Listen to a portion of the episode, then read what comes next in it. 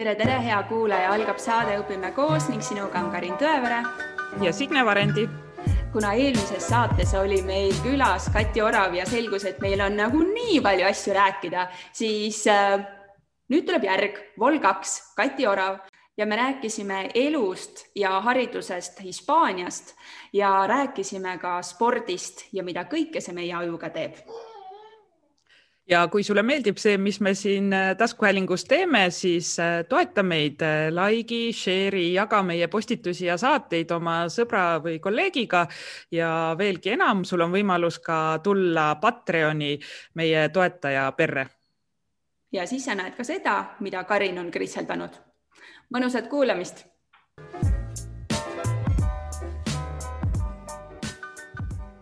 aga ma tegelikult, Kati, ma tahaks hirmsasti teada seda, et äh, ma lugesin sinu blogi ja sain teada, et äh, sa oled perega elanud äh, välismaal Hispaanias. et mis sind sinna viis ja, ja üldse räägi see pool ära, et nii põnev, nii põnev, kaua sa seal olid?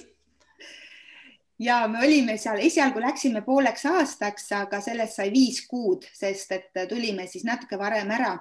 aga mul oli selline unistus, et, et ma tahaks seda Erasmuse asja proovida ja teadsin, et kui ma üks hetk lähen ise õppima, siis ma panen selle Erasmuse sinna sisse. ja kuna minu peremudel siis või noh, meie pere olemine aitab sellele kaasa, et ma sain minna, sest mu abikaasa võib ükskõik kus töötada oma IT-valdkonnas, siis, siis ei olnudki nagu selliseid üldse takistusi, et miks ei võiks ja kui mõelda siis, mis riiki valida, et siis kuidagi tekkis jah, et Hispaania, mul on Inglismaa hästi suur lemmik, aga kuna öeldi, et Brexiti suhtes pole nagu mõtet igaks juhuks asju ajada, siis äh, jah, igasugused asjad läbi kaaludes, mis on siis elu, elukallidus riikides ja, ja, ja, ja noh, ikkagi ka see, et mis ülikool kool seal on ja mis ta pakub, siis tegelikult lõpuks ikkagi see Hispaania Tarragona ülikool kaalus nagu kõik asjad lõpuks ikkagi ülesse, sest et äh, noh, mõtled näiteks oli Tšehhis, kas Ostravas vist või kuskil oli ka üks ülikool, aga seal olid ainult siis hästi konkreetsed niisugused õpetamise ained, mida mina ei tahtnud. tahtsin rohkem siis selliseid natuke üldisemaid asju. aga üks tore asi oli siis see, et kui ma olin siis ajanud seda asja, ma hakkasin ikka tõsiselt, võtsin kätte ja siis kirjutasin nendega palju kirju ja leidsin siis need ained motivatsioon ja emotsioon oli üks aine, äh, siis oli äh, loovus ja intelligentsus ja siis oli kas kuidagi mingi isiksused või mingi selline aine ka, psühholoogia bakalaureuse ained neil. ja mina sain millegipärast aru, et need on ingliskeelselt õpetatavad. ja lõpuks, kui juba asi oli päris kaugel, siis ütleb, ütleb mulle seal, kirjutab, et kas te saate aru, et see on meil hispaania ja kataloonia keelsed ained ja siis minu esimene küsimus oli, et kas te tahate mult mingit tõendit, sest ma tegelikult äh, olin teinud inglise keele eksami, et näidata, et ma võin minna, aga, aga mitte neid, nad ütlesid, et ei taha. siis ma mõtlesin, et no selle taha siis nüüd ka ei jää, kui asjad on juba peaaegu pakitud ja terve pere juba teab, et me läheme. ja siis me läksimegi ja, ja ja jaanuaris äh, läksime kohale juba sellepärast, et natuke seal siis sisse elada ja me olime siis võtnud sellise suure plaani, et me paneme oma poisid,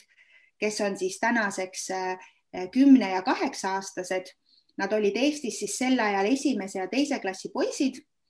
et, et me paneme nad Hispaaniasse kohalikku kooli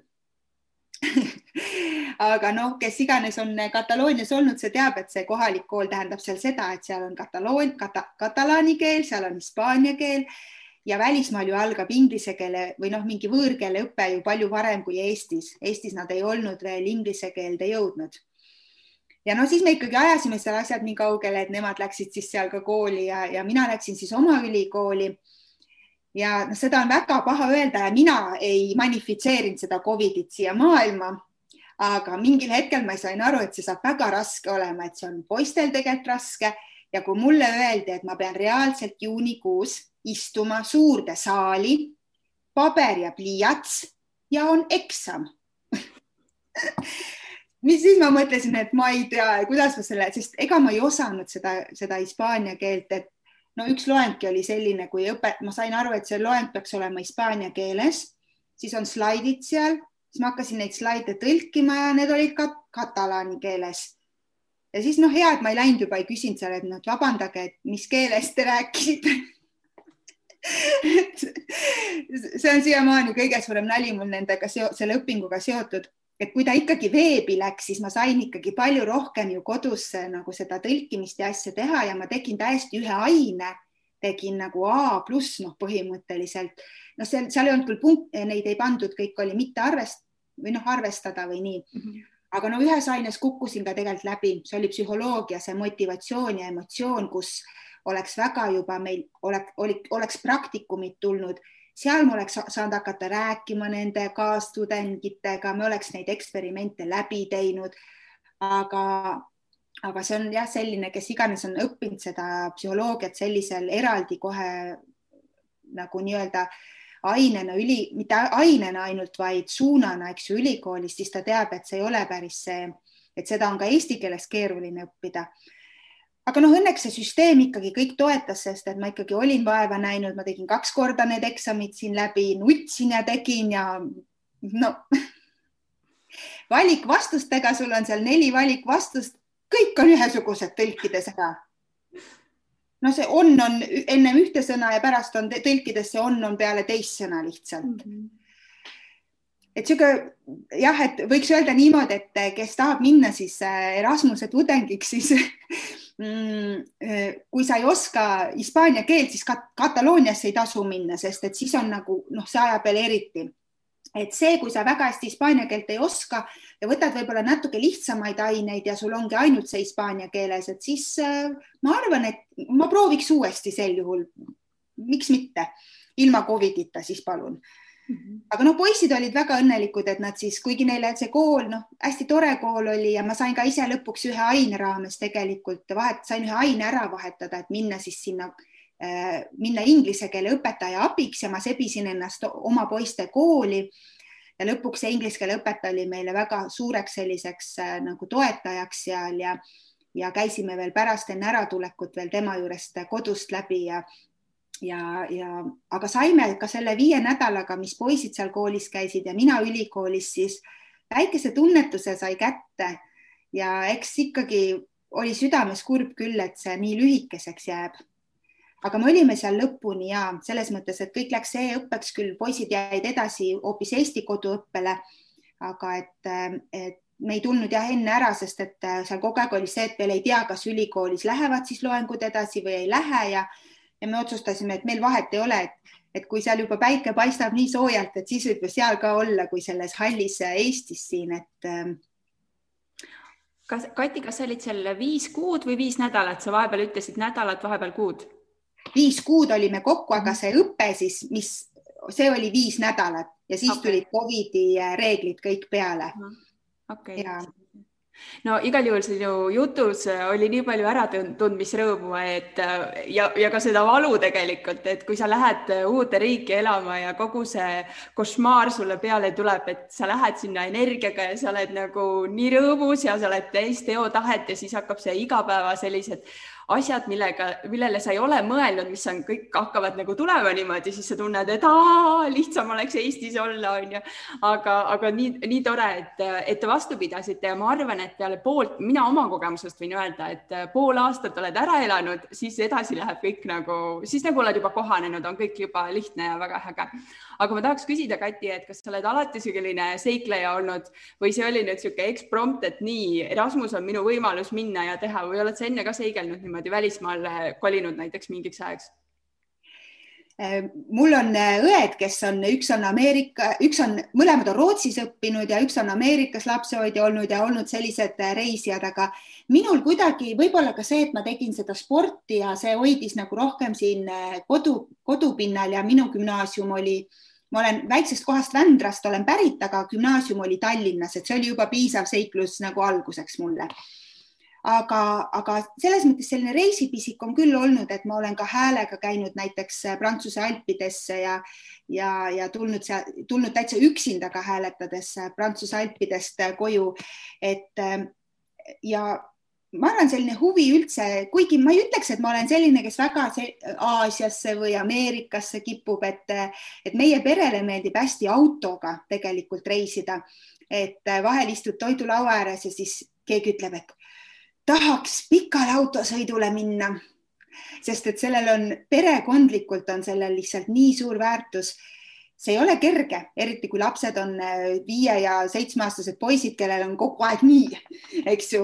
aga ma olen järjepidevalt olnud ka see, et mina ei lähe ja ei istu taga seal selle ühe lapsega, vaid nad istuvad seal taga kahekesi ja no tänu sellele õppis meil noorem poeg nelja-aastaselt lugema, sest nad istusid seal taga ja siis vanem poiss seal veeris talle ja, ja ta oli lihtsalt nii heas vanuses, et täpselt õppida kõik need asjad ära, et, et ähm,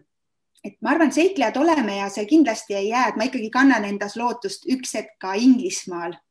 seda õppimist teha, et äh, ei ole Erasmust küll enam, aga võib-olla nad loovad mingi veel parema programmi, et äh, võiks ju loota. et äh,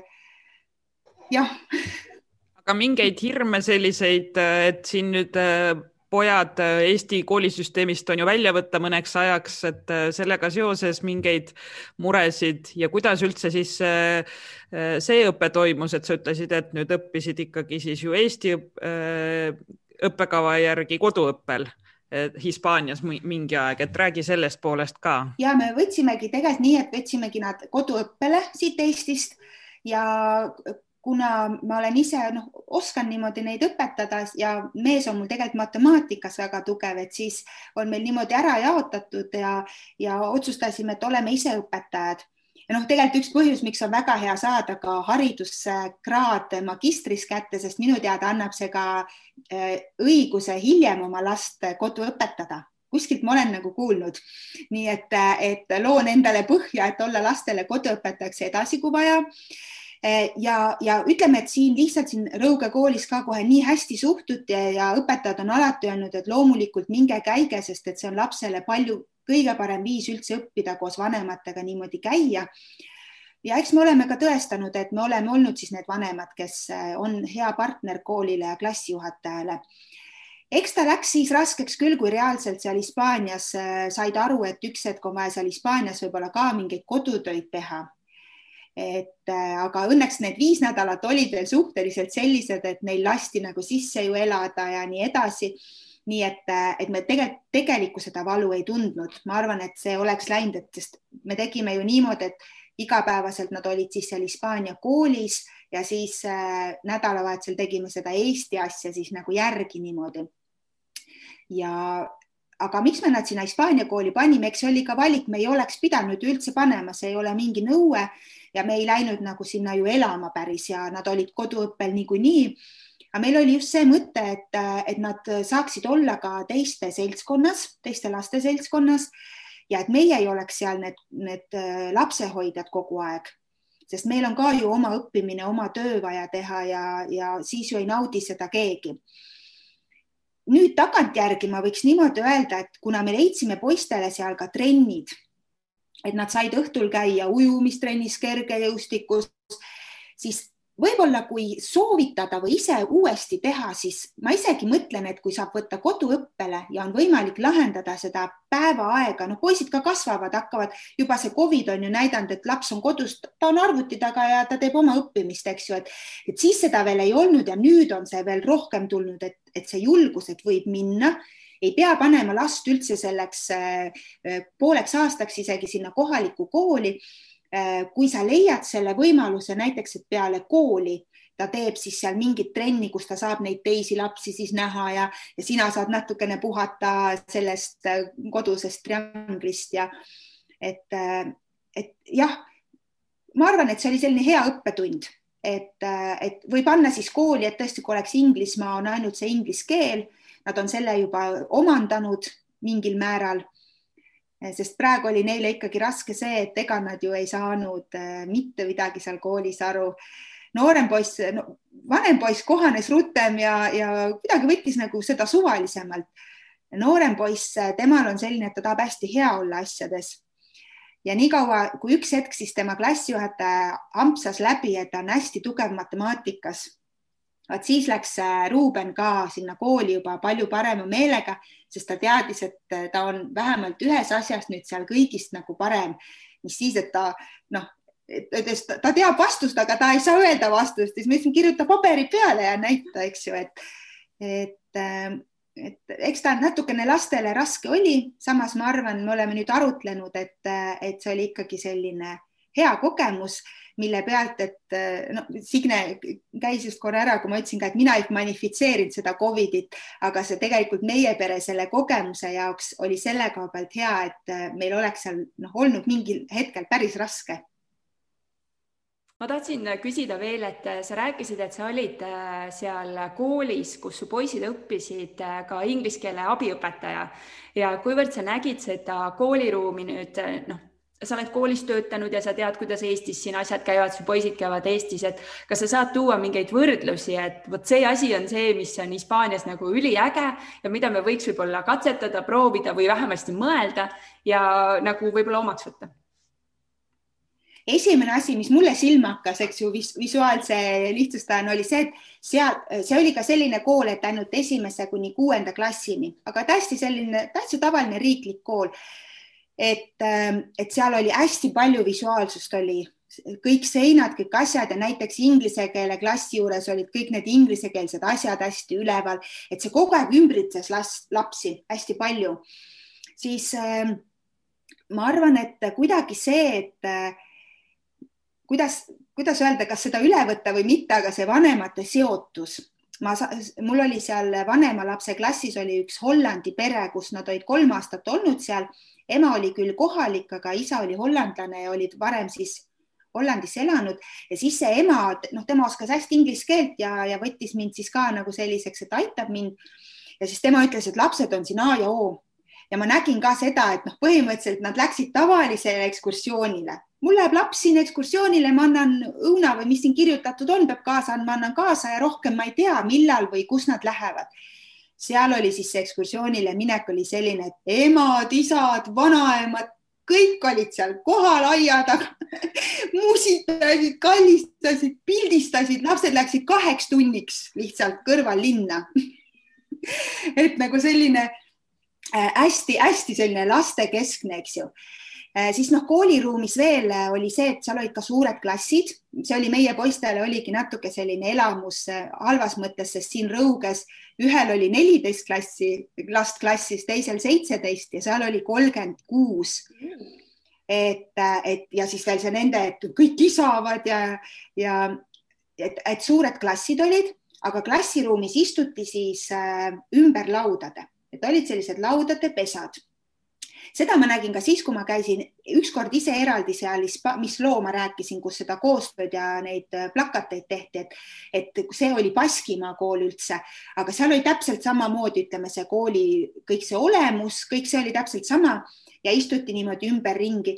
ja kui ma siin siis oma lapse õpetajaga sellest rääkisin, et, et vahetevahel oleks päris põnev, kui lapsed saaks hoopis niimoodi nagu ringides istuda, et siis see ongi see, et jällegi sellega ka ei saaks minna liiale, sest näiteks mul vanemale poisile meeldis see, aga noorem ütles, et temale meeldiks niimoodi istuda, nagu ta Eestis istub. et, et, et nende meetodite ja asjadega ongi nagu see, et klassiruumid peaks olema liigutatavad sellel hetkel nagu vaja on aga me peame tõesti arvestama iga õpilasega, sest et kui me praegu läheme seda teed, et rohkem koostööd ja selle koostöö mõte on ainult, kui ümber laua istudes seda teha, siis jällegi võib juhtuda, et see mõni laps, kes noh, ta ei taha olla seal ringis, siis me kaotame tema jällegi ära, eks ju. Nii et, et ühelt poolt seda, seda ringi panemist aeg-ajalt, aga mitte ka sellega siis võib-olla liiale minna ja. aga see koolipäeva pikkus näiteks? nojah, seal oli see siesta ja me just siin mõtlesime, et selle Hispaania aja jooksul ei olnud ühtegi söögikorda, kui me ei oleks ju koos söönud, sest sa sööd hommikul koos, sa sööd õhtul koos, aga tavaliselt ju lõuna ajal laps on koolis, aga seal siis me läksime iga kord kella kaheteistkümneks neile järgi ja viisime kella kolmeks kooli tagasi. ja ja võiks öelda, et, et see süsteem mulle küll meeldis, noh, mitte ma ei ütle, et meil sesta me,, meie Eesti kultuur ei saa sestat, eks ju, teha. aga mulle meeldis see, et seal olid tunnid olid kas tund aega või poolteist tundi, tal oli päeva jooksul neid tunde vähem. oligi ainult äh, ennem sestat oli kaks tundi nii-öelda ja seal ka oli poole, oli siis üks tund, siis pool tundi pausi, et nad said nagu tõsiselt seal õues ennast välja elada siis teine tund, siis siesta ja siis ainult see üks poolteist tundi siis veel.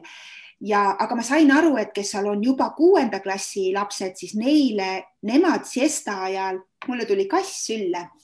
Signel on beebis üles, ma ei tea, mis mina võtan, mul on, ma olen üksinda siin kodus et, et ma sain aru, et nendel on siesta ajal ikkagi ka mingit tundi vist, et nad ikkagi, hispaanlased on endale ka aru andnud, et, et võib-olla päris ainult nii lühikese õppimisega ei pääse. Aga kuidagi tundus mulle seal, et seda äh, lapseks olemist sai olla natuke rohkem, seda, see õppimise suhtes, kui sa vaatad seal need äh, materjalid, see selline niisugune ühe suure vihiku või kaustiku täitmine, kus on kõik asjad siis sul sees, et see võib-olla see ainete selline, see aitas ka kaasa, et ained on omavahel siis seotud rohkem. Ja vaat ühe võrdluse võin tuua, kui nüüd see Covid peale tuli, siis oli hästi huvitav see, et noh, Hispaanias üldse see digivärk oli natuke nõrgem. Ehk siis esimene viis nädalat, kui see Covidi asi kõik tuli ja läks päevapealt lukku kõik, esimesed viis nädalat absoluutselt mingit õppimist ei antud. Äh, mitte absoluutselt, tegelikult midagi õpetajad vist kirjutasid ikkagi, et noh, et, et äh, jookse ikkagi oma aias ringi ja, ja arvuta mingeid asju kokku, laula natuke, et lihtsalt nii. Aga iga nädal saatis siis koolijuht saatis peredele kirja, et kuidas teil läheb, kuidas teil emotsionaalselt on, on teil mingit abi vaja, et oli hästi, viis nädalat oli hästi selline emotsionaalne lähenemine, hästi hooliv, isiklik eh, noh, nagu ma mõtlen, kui siin eelmine kord näiteks Tiina ütles, et tal ei ole olnud aasta jooksul klassijuhataja koosolekut, eks ju näiteks, et, et eh, ja Eesti kooli puhul oli siis see, et kõik hästi mobiliseerisid kõik oma oskused, hakata hästi siis ja siis oli juba niisugune tunne, et noh, et enam ei pea järge, mida või millal kõik õppima peab, eks ju. et, et ja siin ei olegi see, et noh, et milline mingi õpetaja on, et pigem ma arvangi see ka kultuuriline lähenemine, et eestlane ongi ju selline, olengi tubli ja töökas ja kohe ikka näitan kõik, mis ma oskan ja teen ja hispaanlane on siis selline, eks ju, et et kui sa ei saa nüüd täna enam oma sõpru kallistada, siis kuidas su elu edasi ikkagi läheb? et äh, ja, ja seal oli see ka, et kui meil oli, ma andsin, olin see inglise keele õpetaja abi ja pidin teatud tunnid siis täis tegema, et kuus EAP-d kätte saada.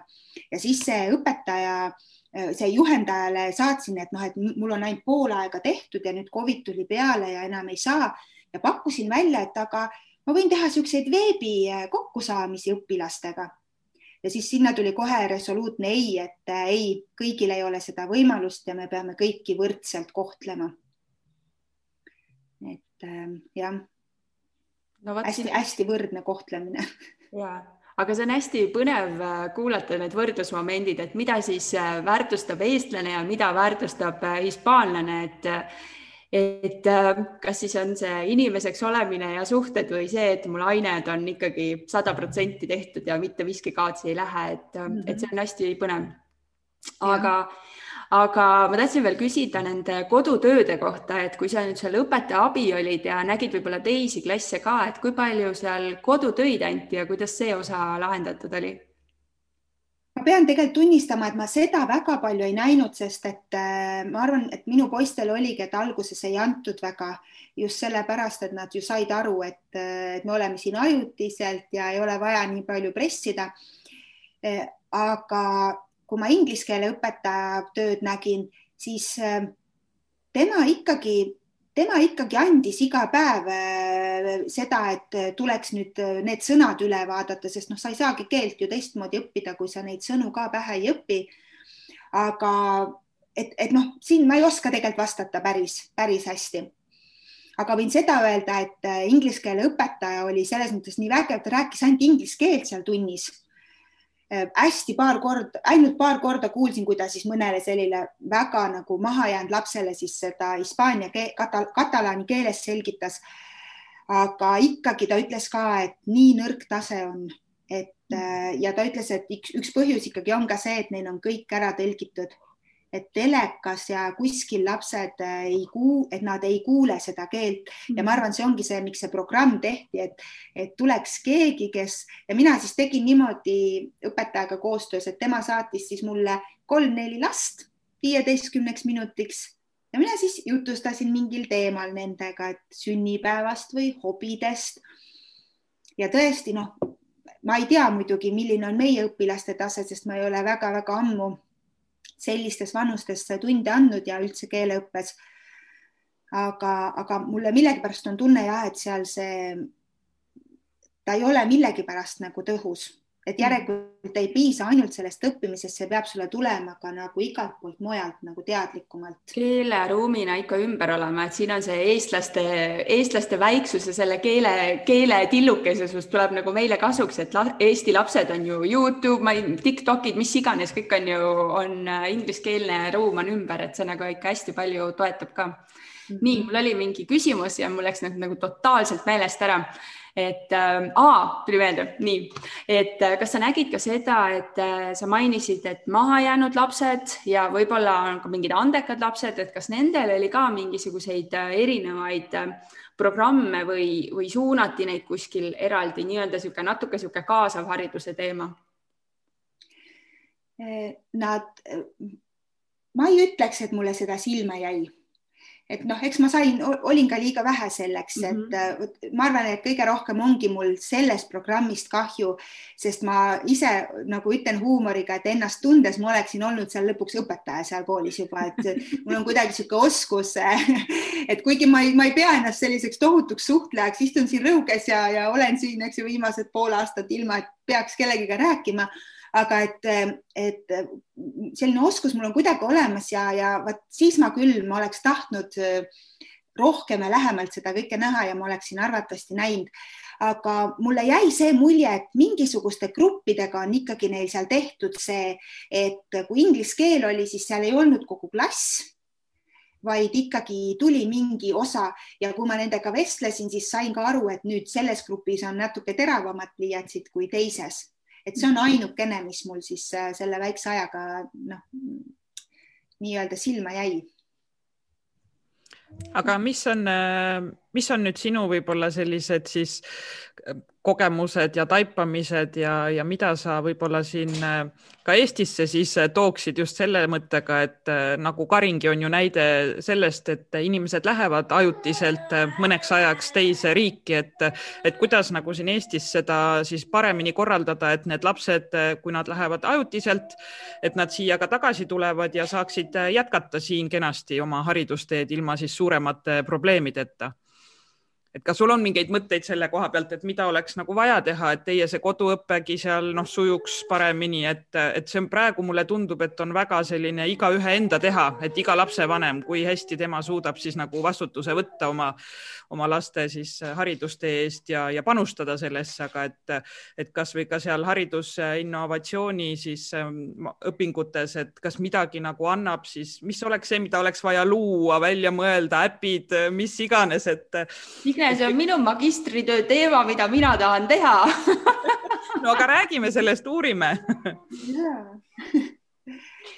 no kui, eh, eks ju, mina ise, eks ju, siis õpetan sellist asja, mis on nagu natuke digiväline mingis mõttes, kuigi seda saab kõike teha digitaalselt, siis ma arvan, et ikkagi see digiareng on ka hariduses hästi oluline, et meil tuleks rohkem siis neid digilahendusi, aga tulekski neid digilahendusi, mis ka annavad selle nii-öelda tunde et ma, et ma justkui ikkagi siis olen nende inimeste hulgas, sest et mm, kui praegu mõelda, et laps jääb, laps jääb koju ja õpetaja paneb oma kaamera klassis tööle, laps istubki siia arvuti või noh, arvuti taha, teeb oma asju, tund käib, klapid on peas ja vanemana ongi minu jaoks see palju lihtsam. ehk siis see, et kui klassides oleks neid võimalusi, et ikkagi see kaamera seal õpetaja saab tööle panna, siis äh, ta saab saada neid digitaalseid töölehti, sest et äh, õpilane loomulikult äh, ta teeb ju käsitsi, aga on ka asjad, mida õpetajal on palju lihtsam siis kontrollida, kui ta ju digitaalselt need asjad saadab, sest kui mõni õpilane ikkagi ju sul pool aastat puudub, siis noh, ja on ka võimalus näiteks meie avastasime, kui õpetaja saatis mingi PDF-i ja me panime selle tahvlisse, siis laps sai ka ikkagi pliiatsiga selle seal täita ja õpetajale saata. et, et võib-olla ka mõelda seda, et kus nende digitaalsete lahenduste juures jääks endiselt kõik need asjad ka alles, mille uuringud ju näitavad, et on olulised, et mida me ei saa võtta, mis on õppimise juures seesama omavaheline suhtlus, koostöö, oma käega tegemine, ise mõtlemine kaasa, et leida jah, see koht, et digitaalsuse tugevused ja siis kuidas neid nõrkusi siis minimaliseerida. Et noh, sama on ju digitaalsete tahvlitega, et need, kui need kooli tulid, siis äh, ega lõppkokkuvõttes, äh, kui siin koolides ka ise käid, siis sa näed, et väga vähe õpetajaid kasutab seda või kasutab seda siis sellel eesmärgil, milleks ta nagu esialgu mõeldud on, et äh, jah, võib-olla üks hetk tekib ka see digitahvlite teema nagu veel rohkem, et, et see kuidagi kaugõpet veel rohkem toetaks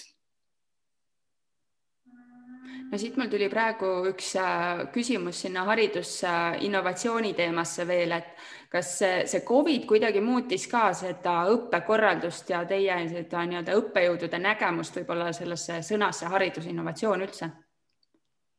No nüüd ma olen jah, selles mõttes kõige, üldse ei ole õige inimene vastama, sest tegelikult äh, mina ei ole nüüd Covidi ajal ju tegelikult olnudki üldse põhimõtteliselt see üliõpilane, et mul mingi aine oleks Mm -hmm. nii et, et aga kui ma kõrvalt vaatan, noh, ütleme, olles selles süsteemis, et saades neid kirju ja kõike seda ja te tegelikult ma ühte ainet tahtsin võtta ja käisin isegi ühes loengus ära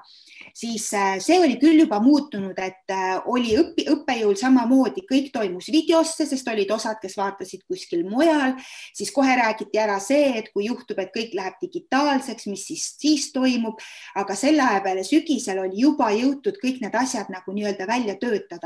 Nii et äh, see, et kuidas siis, kas kevadel see, mis seal siis kõik oli, täpselt ma ei teagi, aga, aga ikkagi täpselt seesama, mis nagu tavahariduseski on saanud, et kõik see korralduslik, aga see, kuidas nad nüüd seal sees innovatsiooni suhtes on hakanud mõtlema, vot see on väga hea küsimus, seda ma nüüd, nüüd tuleb mul selline sess, viimane sess, kus ma siis tõesti ka osalen asjades. nii et äh, ma peaks selle pilguga nüüd täitsa vaatama või küsima, mis nad seal äh, mõtlevad või teevad või kui keegi vaatab, kes rohkem teab, siis võib ju äh, kirjutada teile ja meile ja mhm. kõigile aga kuna me siin juba jutusoone peal oleme ja Kati ennem mainis ka, et ta seal Rõuges väga palju inimestega ei suhtle, et istub seal kodus ja teeb e-koolitusi ja nii edasi, siis hakkame meiega jutuga, jätkame meie oma jutuga ja läheme sporditeemadele, sest ma lugesin ja olen aru saanud, et sa oled üks äh, spordihing ka. millega sa tegeled, Kati? Eh, mina tegelen tervisespordiga, et eh, lihtsalt eh, hoida ennast terve, elujõulise ja, ja ilusana. ja tegelikult ükskord tuli koolitusel tõesti üks koolituse tellija, kui ma olin teinud tema grupile terve pikapäeva koolitust ja järgmine päev uus grupp ja ta tuli selle teise päeva lõpus ja ütles, tead, Kati, ma naiselikust puhthuvist lihtsalt tahan küsida, kuidas sa jõuad? Sest noh, need koolitused on hästi intensiivsed ja, ja ma arvan, et eks sealt ongi, et lihtsalt äh, hoian ennast vormis ja millega ma hoian, on siis äh, no võtame päeva lõikes, siis ma nüüd ma olen hakanud hommikuti võimlema, et, et teha kätekõverdusi ja kõhulihaseid no kaks sellist kohta ja, ja, ja siis olen võtnud nõuks, et päevas vähemalt siis tund aega olla väljas ja vähemalt üle päeva teha siis äh, sporti, mis higistama ajab. et kui üle päeva kõnnin, äh, noh, selles mõttes ikkagi ka niimoodi, et tunned, et ikka tempo on, et siis äh, mina armastan, mina olen jooks, jooksja. No nädalas korra käin suusatama ka, aga kuna mul on suusatamine teine selline trauma kooliajast nagu oli kunstitund, sest ma olin hästi ja noor sportlane, ma olen tõesti niimoodi olnud, et ma olin Pärnu maakonna meister alati, ma olen isegi telekas TV10 raames intervjuud andnud ja ja, ja kõik noh, tõesti noh, olin ikkagi riiklikul tasemel ja, ja sellepärast ka läksin gümnaasiumisse, siis Eesti Spordigümnaasiumisse Tallinnas, siis ma tegingi kergejõustikku ja kui siis suusatamine koolis oli, siis said seal minust mööda ka need noh, kelle, kellele ma tead unes ka ei kaotaks ja siis ma lihtsalt mõtlesin, et ei, aga nüüd mul pere ikka veab mind suusatama, siis ma suusatan ka. aga jooksen jah, ja minu suur usk on siis äh, on ja võib-olla ka see, et kuna ma ei taha, et see sport oleks minu jaoks selline väga nagu vaevanõudev ja planeeriv ehk ma pean minema koduuksest välja ja kohe tegema, et ma ei pea pakkima asju, kuskile sõitma. et, äh, et ma jooksen no see on, see on alati nii, et see koduukseni liikumise tee on nagu kõige raskem ja kui sinna vahele jääb see, et ma pean kuskile spordiklubisse minema ja mis ma siis selga panen ja mis ma jalga panen ja kust ma selle pileti ostan ja see kõik on nii hirmutav, siis kõige lihtsam ongi alustada jalutamisest ja jooksmisest. aga räägi lapsed, et praegu on see koroonaaeg, et ma ei tea, kuidas teil on äh, siin äh, seal Eestis, aga meil on kõik asjad kinni, lapsed ka trennidesse ei saa. et kuidas sina lapsevanemana oled selle ära lahendanud? Lahendanud, et lapsed ka ikka liiguksid ja oma minutid kätte saavad? Nemad äh, saavad trennis käia, nemad käivad äh, siis äh, erinevates, noh, peamine on neil suusatrenn, mis, kus nad käivad aastaringselt, aga, aga siis ka sellist mingi parkuurimine ja, ja, ja mis neil siin on veel mingeid asju. aga kui ei ole siis seda trenni või trennipäeva, siis me ikkagi ise oma eeskujuga et ütledki, et äh, lähme nüüd kõndima. Ja no pean, pean tunnistama, et on ka seda hetke olnud, et äh, meil saavad poisid, äh, võivad mängida siis nutivahendisse tund aega päevas ja üle päeviti tegelikult. Ja on ka olnud hetki, kus tõesti, kui nüüd nädal siin vahepeal ei saanud trenni näiteks ja, ja, ja ütlesingi nooremale poisile niimoodi, et nüüd lähme teeme selle ringi ja siis mängid ja noh, põhimõtteliselt oleneb, praegu ma ütlesin muidugi hästi resoluutselt, aga oleneb, kuidas sa ka lapsele seda, eks ju, serveerid. sest et äh, noh, meie siis näiteks selle noorema poisiga kõndimised näevad küll niimoodi välja, et ta ainult räägib, ta ainult räägib, ta saab kõik ära räägitud. ehk siis see on ka selline teraapiline. ja on ka olnud, kus ma ütlengi, et nii ja täna jookseme ja siis lähme jookseme väikse ringi ja ma ei tea, kas sa, kas sa jõudsid blogi lugemisele ka sinnani, kus mul poisid mängivad ralliautosid. sest et ähm, meil ei ole olnud nagu laste liikuma panemisega mingit probleemi, kuna vanem poiss ar ar armastab hirmsasti WRC rallit me oleme käinud neid vaatamas ja sealt on tulnud siis, kuna ta on selline rollimängija, siis temal oli roll, et tema on ka ralliauto ja siis tema hakkas mängima neid ralliautosid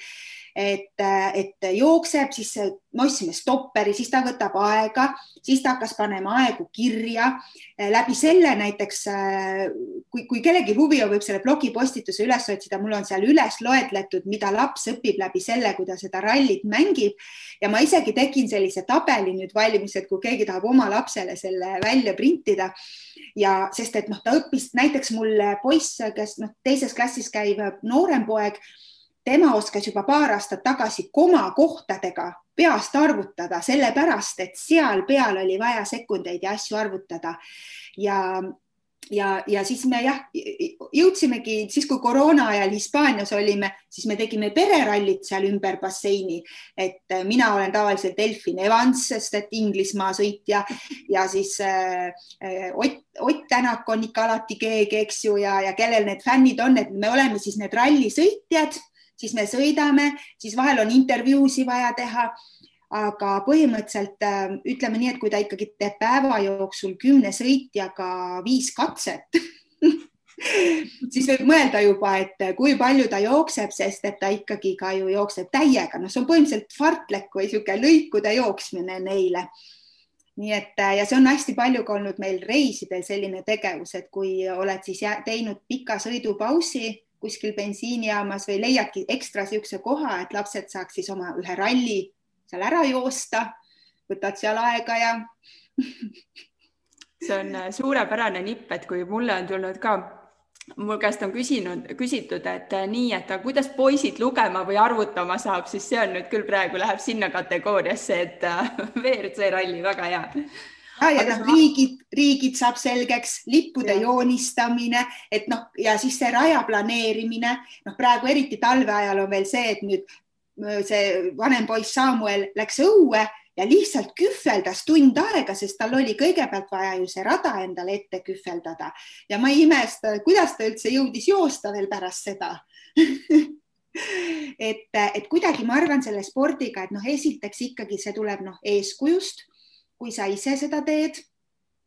ja, ja kuidagi siis saada sellise nipiga see laps kaasa, et natuke sörkima või, või kõndima. Et kas siis, et, et noh, lähme ringiga poodi kasvõi eks ju, et, et tahame, tahad seda kommi küll osta, aga lähme ringiga sinna poodi siis ja, ja siis sujuvalt läheb see ring tsipa suuremaks, lähme vaatame, mis seal veel on et ikka tükike kavalust ja see sisemine motivatsioon, et tuleb see lapse huvi üles leida ja siis sellele täiega vajutada, et siis saab nagu kõike aga sa mainisid, et sa ise käisid spordigümnaasiumis ja mind on alati see teema nagu huvitanud, et mille poolest siis spordigümnaasium erineb tavagümnaasiumist, et äh, kui palju seda erisust tehakse nendele lootustandvatele sportlastele? Ja et kui sa tahad, et su lapsest ei saa sportlast, siis viida spordigümnaasiumisse. Ongi nii. Selles mõttes kogu austuse juures tegelikult ikkagi selle kooli suhtes, sest hiljem ju see spordigümnaasium sai Audentese erakooliks ja, ja Audentese spordikooliks ja ma olin tööl seal viis aastat huvijuhina ja kõik, nii et selles mõttes äh, minu õpetajad on, eluaeg on minu õpetajad olnud mulle ka kolleegideks aga eks ta erineb jah selles suhtes, et sul on seal siis ikkagi kaks korda päevas trenni ja see õppekava on siis mingis mõttes niimoodi lihtsustatud, et näiteks äh, kui meie seal gümnaasiumis käisime, meil oli nii, et oli neli tundi ära, siis oli trenn, siis väike puhkus, siis oli veel kaks või kolm tundi ja jälle trenn. ja, ja ainult siis oligi, kas kolmapäev oli aeg-ajalt selline, kus siis see teine trenn, kui ei olnud või oli siis mingi ujumine, selline kergem asi. ja ja ei olnud meil üldse seal selliseid aineid, noh, et, et sa oleks saanud mingeid äh, aineid juurde valida äh, noh, joonestamist, kunsti, noh, joonistamist, ma ei ole, ma üheksandas klassis viimati, eks ju, tegin tegelikult äh, kunstitunni mõistes joonistamist. et, et seal oli jah, sellised hästi kindlad ained olid olemas. nii et et kui äh, jah, mõtled, et, äh, et laps tahab nagu rohkem sporti teha, aga sulle on ka oluline ikkagi kõik see, mis ta õppimises juurde saab, siis tulebki leida lihtsalt see enda arusaam, et, äh, et mis see potentsiaal seal on. kuigi nüüd, kui ma seal Audenteses töötasin, siis ma sain aru, et, et seal on ka hoopiski asjad muutunud ja palju rohkem on läinud ikkagi selliseks, et ka õpilane saab seal siis neid mingeid aineid valida ja on toodud juurde siis ka, et mis seda potentsiaalset ilmakodanikku siis, kes Eestit esindama peaks minema, et mis siis ka teda ikkagi nii-öelda toetab ja, ja intelligent, noh, tema intelligentsust kasvatab Mm -hmm. aga mida siis noh, kindlasti see noor, noh, ütleme, miks ma arvan, et iga laps võiks teha mingis mõttes sellist mingit ala, kas see peab just sport olema, see võib olla noh, ka muusika suhtes on see, et peaks tegema mingit ala, kus ta saab ennast ikkagi panna nagu proovile. Sest mida meile kogu aeg spordikoolis öeldi, et kui eksamid olid tulemas, et teie ei pea üldse pabistama, teie olete harjunud ennast kokku võtma õigel hetkel ehk siis äh, noh, sama ongi, kui laps luuletustega käib, esineb või, või muusikaga, et, et talle tekiks neid oskusi elus nagu laialdasemalt juurde, mida nüüd see hobi saab anda. et noh, kindlasti sport on lihtsalt üks koht, kus ma pean nagu inimlikult neid võimeid rohkem proovile panema, kui mul on veremaitse suus ja ma ikkagi jooksen seal kuskil, eks ju, et, et, et aga jah kui ma praegu enam ei taha võistelda, ennast joonele panna, ma ei tunne sellest üldse vajadust, mu töö on piisavalt äh, pingeline selleks äh, enda ületamiseks. aga, aga laste suhtes küll jah, see, et nad ikkagi läheks ja paneks ennast proovile, mitte ei oleks kogu aeg lihtsalt siukses noh, lihtsalt teen, eks ju. et aga, aga miks sa siis teed, et ma arvan, see, et lapsele lihtsalt öelda, tervise pärast lihtsalt teed, et ta tahab ikkagi ka ise ju seda vunki juurde sinna nojah, aga ma ikkagi mõtlen seda, et no võtame kasvõi Kelly Sildaru, eks ju, et ma eeldan, et ta käib ka Audentes erakoolis, ma ei tea muidugi. ei, tema käib minu arust täiesti või kas ta lõpetas või minu arust ta lõpetas kas Saksa gümnaasiumi neid. okei okay., et äh, ma näen nagu seda, et need äh, noored ja need inimesed, kes spordiga tegelevad, nad kuidagi suudavad oma aega paremini planeerida, nad jõuavad oma asjad tehtud ja minu meelest Kelly Sildaru lõpetas ka mingi medaliga selle oma gümnaasiumi, et, et, äh, et kuidas see võimalik on, et neil on nii tihe graafik, kui sa siin ütlesid ka, et spordigümnaasiumis kaks korda päevas trennid ja siis õppimine ja nii edasi, et mis asi mis asi see spordiga siis kaasa käib? aga võib-olla ongi kogu see oskus planeerida ja ajastada ja kui sul ikkagi on see, see võistlus tulemas, siis äh, kuidas see vorm selleks ajastatakse, et tegelikult seal tuleb minu arust ehe näide sellest, kuidas kuidas äh, õpetaja läbi oma planeerimise ja eeskuju annab kaasa asjad, sest et noorsportlasele kohe treener, ütleme seal algklassis või natuke edasi võib-olla ei räägi niimoodi, et nüüd me ajastame su vormi ja sest tuleb võistlus, aga läbi tema tegevuse ja asja sa kõike saadki seda aru, et hiljem, noh, kui sa oled juba seal täiskasvanu, siis loomulikult või, või gümnaasiumis ka ikkagi tuleb juba seda arusaamist ja räägitakse neid asju rohkem sulle. aga, aga ma arvan, et jah, ja, ja tegelikult ju näiteks üks raamat Tugev aju mida no, soovitaks küll kõigil inimestel lugeda, et, et seal ka ikkagi räägib kogu selle spordi suhtes, kuidas see meie aju mõjutab. ja noh, seal tõesti, seal ei ole ühtegi väidet, mille puhul võiks öelda seda, et, et sport peaks noh, mingis mõttes halb olema,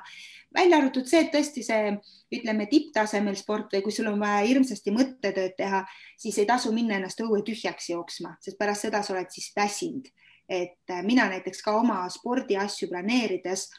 kui ma teen äh, omad, oma siis seda jooksmist või et ma ka vahel mõtlen, et ma teeks mõne jooksu sellise, kus ma pean pärast, ma olen nii väsinud, tunnen seda, mäletan need, seda vana spordiaega näiteks, et, äh, et oledki seal diivanil lihtsalt, sest noh, ei, ei jaksagi, tegid nii kõvasti. Ja siis ma teangi, et ma ei tohigi planeerida, et ma sellel päeval siis enam hakkan mingisugust tohutut mõttetööd tegema et, et ma arvan, selle spordi mõju ajule ikkagi, et äh, seal on ikka nii palju tõend, tõendeid juba taga, et mis see meiega kõik teeb. no siit ma arvan, et nüüd äh, üks selliseid viimaseid küsimusi, millega ma sind, Kati, piinan, on see, et sa oled täna siin vestluse käigus äh, andnud äh, päris palju selliseid lugemissoovitusi, et üks oli seesama Tugev aju ja siis oli see Tiny Habits, mis sa soovitasid lugeda, aga sa ise toimetad ka Instagramis ja sotsiaalmeedias, et kas sa ise ka jälgid kedagi nagu sotsiaalmeedias, keda sa võiksid soovitada, et nii, et võtke eeskuju? vaat nii jälgige, õpime koos. Ja kindlasti teid tasub jälgida loomulikult sellepärast, et, et sealt saab inspiratsiooni ja, ja kui kuulata siis teie külalisi, siis saab äh, selliseid häid mõtteid. Mm, mina olen oma Instagrami seadnud üles sellisena, et mis nii-öelda toetavad minu sihti ja minu eesmärke ja võiks siis öelda, et sellepärast ma võib-olla nagu jälgin ka rohkem siis noh, ka jälgin välismaa kontosid, kindlasti oma kolleege, eh, kes siis teevad joonistamist või disainivad infot. aga mina näiteks eh, jälgin, eh, on Speaker Nation ehk siis, kes siis tegelevad kõnekunstiga, sest et ma tahan õppida maailma tasemel Eh, rääkijaks, et meie valdkonnast võimalikult paljude inimesteni jõuda. Siis ma jälgin näiteks ühte noort inglise, eh, inglise doktoriõpingute tüdrukut, kes ta on Julia Ravi ja tema, miks ma hakkasin jälgima, on see, et tema ka teeb oma, tuudeldab oma neid teadusi, ehk siis ta peab Youtube'i ja et kõik, kes on teaduse huvilised, siis tegelikult eh, teda tasub täiesti, et ta räägibki kogu oma sellest doktoritöö teekonnast ja, ja siis ta hästi, on ka üks mees, on Jim Quick, kes on nagu eh, välismaal nagu meie eh, kohe ütlen, kes, kes meil just andis see ajulugu raamatu välja Jaan Aru. Eh, mitte Jaan Aru. Eh, no kes meil ka nende mm, tegeleb siis selle mälu, mälutreeningutega ja mm. -hmm.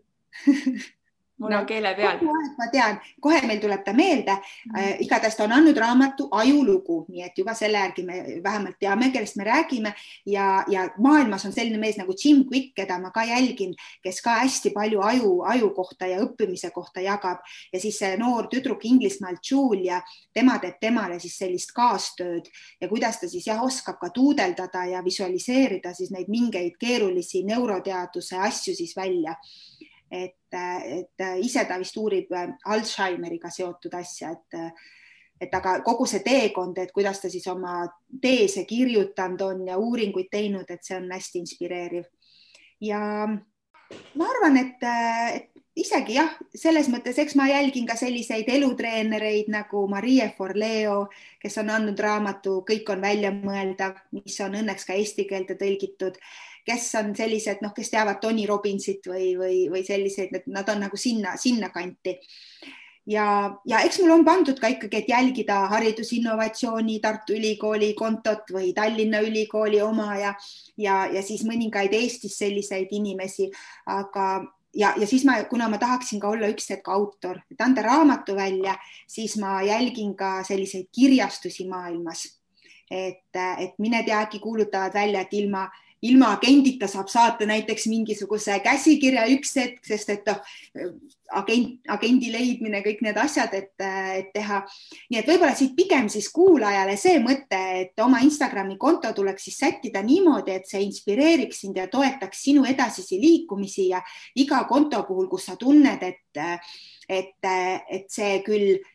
tekitab sus heas mõttes võib-olla kadedust, et tahaks ka, aga see ei pane sind liigutama, siis ära jälgigi mõnda aega. see ei tähenda ju, et midagi halba ja, ja mõne inimese puhul ma jälgin ka ainult näiteks tema seda feed'i ja ei jälgi üldse neid story si, sest neid story si tal tuleb näiteks noh, nii, nii palju kogu aeg peale, et siis mul kaovad need teised kogu aeg ära ja siis ma olen otsustanud, et, et aga siis ma vaatan ainult seda feed'i, sest tavaliselt sinna feed'i panevad inimesed siis nagu sellise mingi hästi nagu siukse noh, olulise asja, et tahan kinnistada selle sinna. et olen natukene siis äh, nii-öelda monitoorinud enda sotsiaalmeedia kasutamist ja, ja vaadanud, et, et see toetaks minu sellist edasiliikumist pigem jah. Oi Kati, kui sa nüüd teaksid, mul tekkis nüüd kohe hunnikus uusi küsimusi, aga ma lubasin, et see on viimane